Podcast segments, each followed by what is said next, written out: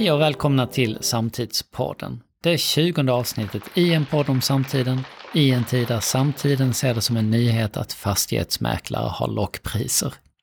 Bara mellan januari och april i år inkom 726 anmälningar till Fastighetsmäklarinspektionen, rapporterar DN. Men som inspektionen säger, det är svårt att bevisa att mäklaren medvetet har satt ett lågt pris. Och jag som omedvetet tror att ingen vanlig människa någonsin kommer att ha råd att köpa sig en vettig bostad. Jag heter Anders Minner och med mig på resan upp i isen har jag precis som vanligt Jasmin Aran Moder. Hallå, hallå! Och vi hoppar ju rakt in i veckans medieflöde.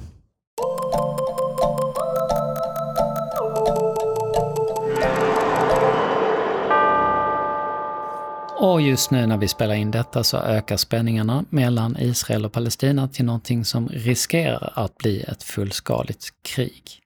Regeringen lättar inte på restriktionerna för corona de kommande veckorna och det är hundra dagar sedan kuppen i Myanmar. Och samtidigt så sitter gigantafartyget Ever Given fortfarande fast i Suezkanalen. Ja, på vissa ställen så känns det som att vi eh, har fastnat helt enkelt. Eller hur? Eh, och en del som jag tycker, som också jag har då läst i veckan, det är en ledarsida i Dagens Industri eh, om myten om asylrätten. Och det som triggades eh, av mig där, eller liksom satte igång tankar, det är vi har pratat mycket om det här under pandemin, om att vi fastnar väldigt lätt i en tanke.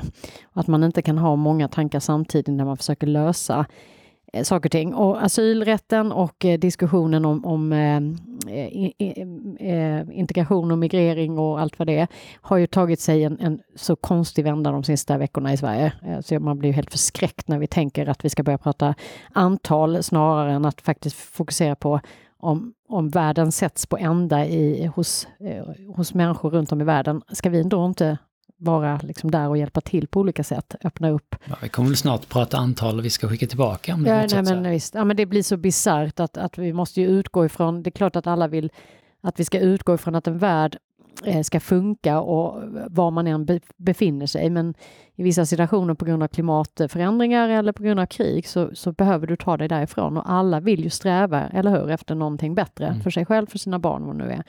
Eh, och i den diskussionen prata antal, det är ju inte det vi måste prata om. Vi måste prata om ja, men hur kan man se till att faktiskt folk över hela världen får en rättvis, rättvisa förutsättningar att faktiskt kunna leva och verka sina liv. Och innebär det att vi måste öppna upp i vissa fall då ska vi göra det och dessutom parentes, vi behöver människor till det här landet om vi ska ha en framtid som vi eh, med den, den höga nivå av eh, välfärd vi har. Så det kommer vi behöva. Men det är en parallell eller en, en annan del. Men det som jag läste då eh, var myten om asylrätten och det som eh, vi inte pratar om när vi inte kan hålla flera tankar i huvudet samtidigt. Det är ju lite grann vad vi vad man egentligen gör mest nytta och att jag tror att man kan ha en diskussion på en annan nivå där vi kan ha, ha nytta på många nivåer, både för de som kommer till Sverige eh, eller flyr till något annat land, men också på plats. Men då måste vi också titta på det här på hur man söker asyl och jag tycker det var väldigt många poänger i att man inte idag kan söka asyl, eh, asylrätt på, eller asyl på ambassader i länder man kommer till först till exempel, eller länder man flyr från. Eh, vilket då minimerar möjligheten att ta sig säkert därifrån. Därav alla de här båtarna som kapsejsar och eh, orsakar massor med mm. död. Det måste vara framme i landet. Ja, men det är ju inte klokt att vi fortfarande ser det. Att man, det är ju ett angiverisamhälle där man inte, där man kommer eh, säga nej till en person som försöker flyga någonstans. Mm. För det får man inte, får man inte. Alltså det blir bisarrt. Mm. Så vi pushar ut folk i dessa farliga eh, liksom båtar eller vad det nu kan vara. För att vi inte har fått ordning, för att vi inte kan ha flera tankar i huvudet samtidigt. Nummer ett. blir jag väldigt upprörd över, så ni som diskuterar de här frågorna, ta det här en, en vända till och fördjupa diskussionen så att det kan bli liksom ett, en, en större diskussion om eh, vad vi faktiskt vill försöka uppnå och att det finns flera delar i den här lösningen. Nummer ett. Sen en annan då som gör, gör, mig, den gör mig, jag vet inte ens om den gör mig eh, så upprörd. Jag börjar nästan skratta. 2021. Va? Sverige har alltid varit duktiga. Vi tror att vi ändå är bäst, typ. Det vill vi ändå säga, på det här med IT. Va? Och så läser man eh, idag, tror jag det var eh, i eh, Svenska Dagbladet, eller om det var igår, Peter Wemblad, vi måste lära oss av vac vaccinationskraschen. Alltså det vi ser just nu när vi ska försöka eh, boka tider och det kraschar, de här jävla apparna, de kraschar och alltså vi, vi, det här är bara ett exempel. Vi, vi kan inte hantera det i det här landet och är det en upphandlingsansvarig som är dålig på att upphandla? Är det leverantörerna som är dåliga på att leverera? Jag vet att det var problem med det. Det enda vi vet är att lösningar finns det ju en mass. Vi sitter ju liksom mitt i ett, liksom en, en eh, nära ett, ett, en inkubator där det bara liksom spottar ut duktiga företag som skulle kunna lösa det här på tio minuter. Mm. Hur är det möjligt att vi inte kan lösa detta? Kan inte du svara på det Anders? Det gör mig så det gör mig inte upp, jag, ja, bara, rimligen, jag börjar skratta. Rimligen så kan vi ju lösa det här men det, det är väl systemen som äh, gör det lite komplext. Men är det någon som inte... Att, att, att liksom eh, själva strukturen för vem som ska bestämma, vem som ska bygga saker och så vidare. För, för anledningen i den här artikeln så står det att det, det kraschar ju för att man inte har kapacitet mm. att, att, ha så många inne som bokar till exempel. Ja men det sa ju då efteråt, eh, sen är jag inte säker på att det egentligen har varit så stora problem som, som man har fått ja, fått men, för sig. Men, men där, nu när det är släppt i början, de här 71 va? Ja, i början så, så, ja, det så var, var det, ja men då var det, förra veckan hörde jag någon som sa att ja men vi fick ju in 13 000 samtidigt då. Mm. Och då, då tänkte jag när jag lyssnade där, Ja men va, vilket antal hade ni förväntat ja, er när man släpper, det släpper på menar. det? Ja. Det är klart att det är 13 000 ja. låter ju lågt om det nu var det Men var. där tänker jag att man måste vara duktigare på att skriva en upphandling då och ta in experter när mm. man gör upphandlingsskrivelsen. Och då tänka in scenarier. Ja. Om det är 100 000 som samtidigt registrerar sig så ska det fungera. Det fungerar, det vet vi om. Det fungerar på massa andra Och på något sätt områden. kan man ju tänka sig att man har rimligtvis haft ett år på sig att, att uh, ta fram det här ja. och kanske även uh, testa det också. Ja. Jag tycker då, det, de är dåliga på, de som jobbar med det här, förlåt, men alla ni som lyssnar på det, det är inte okej okay 2021 att man, man säger att oj då, det funkade inte. Men sen ska det ju in i också, det ska ju in i strukturer som inte är bra från början. Mm. Som nu, eh, både vi satt ju här precis innan vi spelade in podd och försökte boka Mm. restvaccin som då äh, finns i Skåne som inte, äh, konstigt nog inte, det begriper vi inte varför det finns restvaccin mm. men det finns... Tydligen. Någon som inte har kunnat boka in som inte, sina vanliga som, tider. Som man då kan. Boka. Det tog ju ganska lång tid i alla fall för oss som är supervana att hitta det. Mm. Men det är ju, då ska man ju in där på 1177 sidor, deras struktur och mm. mm. in här under på något sätt i Region Skåne. Och när du ska implementera någonting i ett system som är på det sättet. Det är inte sådär UX top notch. Men, mm. så är, det är ju inte lätt. Tänk om man i sådana här kristider, så som vi såg framförallt förra våren, att man faktiskt hittade snabbare lösningar på saker man aldrig någonsin trodde man kunde hitta lösningar på. Man, man tänkte lite utanför boxen och kanske gick förbi lite byråkrati och lite så här, men så här har vi aldrig gjort, tänk. Eh, och kanske bara ge den här uppgiften till boka det via din Spotify-app. Jag vet att det, det mm. kanske inte är Spotify, men du fattar. Genom Någon att man spelar en viss låt ja. så, eh, av The Vaccines till exempel ja, så, får så. Du, eh, så får du en dos levererad till dig med en Uber-bil. Ja. Men jag tror att det fanns, om någon bara hade varit lite mer fantasifull så hade vi haft lösningar som hade funkat utmärkt och inte haft massa restvaccin som ligger och skvalpar nu. Nej, det här ni 1177, ni kan ringa oss direkt. Vi, vi, har, massa lösningar. vi har förslagen. Och på tal om digitalt så har vi också, eh, ja men PISA-diskussionen har ju fortsatt att, att rasa och det här då att, att Sverige undantog nyanlända då från, från, eh, från proven. Och att vi kanske undantog för många är ju diskussionen. Expressens ledarsida Andreas Schleicher skriver så här att ju mer digitala hjälpmedel elever använder desto sämre blir de på läsförståelse. Så lyder domen när OECD sammanfattar rönen från den senaste PISA-undersökningen, PISA 2018. Gissa vilka som använder väldigt mycket digitala hjälpmedel vid en internationell jämförelse. Svenska skolbarn. Här kommer vi in på en, en, en klassisk skiljelinje i skoldiskussionen, det här med digitalisering. Ja eller nej mm. egentligen. Eh, och här skriver eh, Andreas så här då att, att, ju, att man övar upp läsförståelse eh, genom att läsa, men inte hur som helst. För om man läser pappersböcker så blir man då bättre på att läsa än att bara läsa digitalt. Och längden spelar också roll.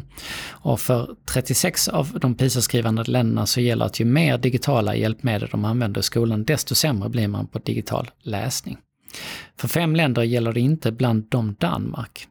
Är danskarna bättre på att använda den stora potential som digitala hjälpmedel självfallet har än vi. Ja, detta är oroande eftersom hela riksdagens, riksdagen huvudlöst hejar på skolans inom citationstecken digitaliseringsstrategi. Parentes, duktigt jobbat okända lobbyister. Och här finns ju också någon, någon tanke att, eh, här slutar jag citera ledarskribenten, som ofta återkommer, att det finns liksom de här digitaliseringslobbyisterna som tjänar ohemula pengar på att, att eh, sälja in fluff och så till skolan som alla då köper. Jag citerar igen här slutet. Och efter pandemins distansövningar och nya regler för fjärr och distansundervisning lär digitaliseringen ta ännu ett skutt. Det må framstå som bakåtsträvande, men vad eleverna verkligen behöver är mer tid med skolböcker, papper och penna. Det skulle gynna även deras digitala lärande. Och jag är långt ifrån säker på att det där stämmer. Mm. Över, och jag tycker ju också att, att på tal om digitaliseringen i skolan, ja men har det gått så bra? Mm. Har det här året verkligen varit ett läge där Sverige har visat hur duktiga skolan är på digitalisering? Alltså hur många månader mm. tog det innan man fick igång ett Zoom-möte eller Google Classroom-möte som var vettig? Och pedagogiken är ju knappt ikapp än. Det finns ju massor med lärare som gör underverk här och som, är, och som är superduktiga. Men men om man tittar på elevernas perspektiv så är det för väldigt, väldigt många ett förlorat år. Och det beror ju inte på att de inte haft klassrumstimmar utan det beror ju på att man inte vet hur man ska hantera eh, digital undervisning. Eh, jag tror ju också, jag tror ju att det finns någonting i det här med papper och digitalt, att vi läser annorlunda, det mm. vet vi. Man, vi får ett mer skummande sätt när vi läser på skärm än när vi läser på papper. Eh, vi vet ju också att, att väldigt många människor pratar om skönlitteratur när det gäller PISA fast det egentligen handlar om läsförståelse. Att det glider över, mm. det gör inte, gör inte Expressen i det här fallet, men att det glider över i det här att vi måste läsa skönlitteratur. Mm. Man mäter egentligen eh, faktaförståelse på det. Men jag tror ju inte att vi går mot en värld som, där, som, som baseras på pappersboken. För den är orimlig i, ehm, i, i väldigt många förhållanden, alltså både ekonomiskt, eh, eh, i hållbarhetsperspektiv eh, och faktiskt också kunskapsperspektiv. Ja. Alltså jag kan nästan bli lite, det är också lite suck, alltså lite samma som jag nämnde den här kraschen för, för den här vaccinationsappen. Eh, lite samma sak har vi inte lärt oss någonting? Och att bara för att eh, man använder och inför en, en, digitalisering eller en vana så betyder det ju inte att man utesluter något annat. Alltså hela tiden kunna jobba med något. Det är ju inte antingen eller. Och det som jag kan nästan lite skrattretande är ju tillbaka till vad vi såg förra våren där man ändå har återigen Sverige har liksom slagit sig på bröstet och var först i IT-utveckling och vi är så liksom eh, först på bollen i många frågor. Men när det kommer till de här delarna så är det precis som det har varit ett parallelluniversum eller som en extra kurs. Du kan ta en liten digitaliseringskurs, men det har liksom aldrig inkorporerats som en del av flera verktyg för att använda mot eleverna. Det var ju det vi mm. såg. Jag vet ju, vi gjorde någon, någon grej i slutet av maj där, där vi märkte med skolelever där de inte alls använde kameran. De använde mm. det fortfarande bara som en Jaha, kan man sätta på kameran när man pratar med sin lärare?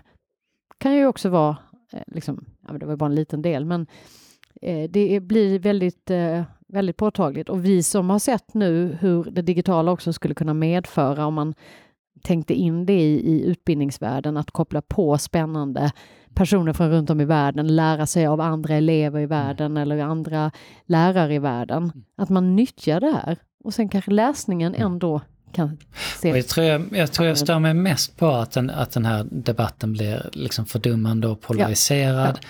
Ja. Och att, att det finns ett gäng som liksom fortfarande är, är kvar vid att man ska hacka på några internetexperter som, som eh, liksom sålde sig själva för, för 10-15 år sedan. Man är kvar där Mm. väldigt, väldigt långt borta medan resten av världen har sprungit fram hit. Ja. Frågan borde ju vara, vilka möjligheter har vi nu? Hur kan vi ta tillvara på dem? Hur kan vi göra något bra för de här unga människorna som stärker dem i deras liv framöver? Exakt. Vilka visioner har vi? Precis som man har bara fastnat i att detta är inte bra. Nej, och det, det är ju kanske mycket lättare att, att göra det. Mm. Och mycket tacksammare för att eh, jag skulle gissa, skriver man, skriver man en sån här ledare då får man väldigt många hejarop, Mm. Mm. skulle jag gissa. Nej, mer digitalisering höll jag på att säga, världen. Nej, men att ta med sig. Att vi kan, man, det vi pratar ju om det här livslånga lärandet. Det gäller ju alla. Vi måste bara liksom vara embrace nya möjligheter och se det som en möjlighet. Mm. Och det betyder inte att man utesluter gamla metoder. Man kan ha det också. Eh, och därmed är det dags för veckans Men hallå!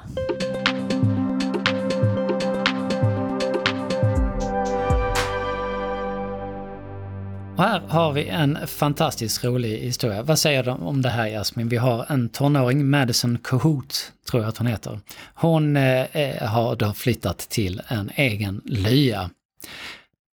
Efter en ganska liten tid slår det sig henne att, att det här är inte ett kvarter som vilket som helst. Det är väldigt Alla är väldigt, väldigt gamla. Madison, hon har alltså flyttat in till ett seniorboende i Arkansas. och har då lyckats, lyckats flytta dit utan att veta om det. Så att alla eh, hennes grannar är över 65. Och där bor då Allison och eh, hon lägger ut saker på, på nätet där hon skildrar världen då i, i detta boende för över 65. Hur är det då? Jo, när jag kommer hem då är det jättetyst överallt för alla ligger och sover. Och då är det ju superbra tycker Alison för att hon kan ju faktiskt då spela musik jättehögt för de flesta av hennes grannar de hör inte heller.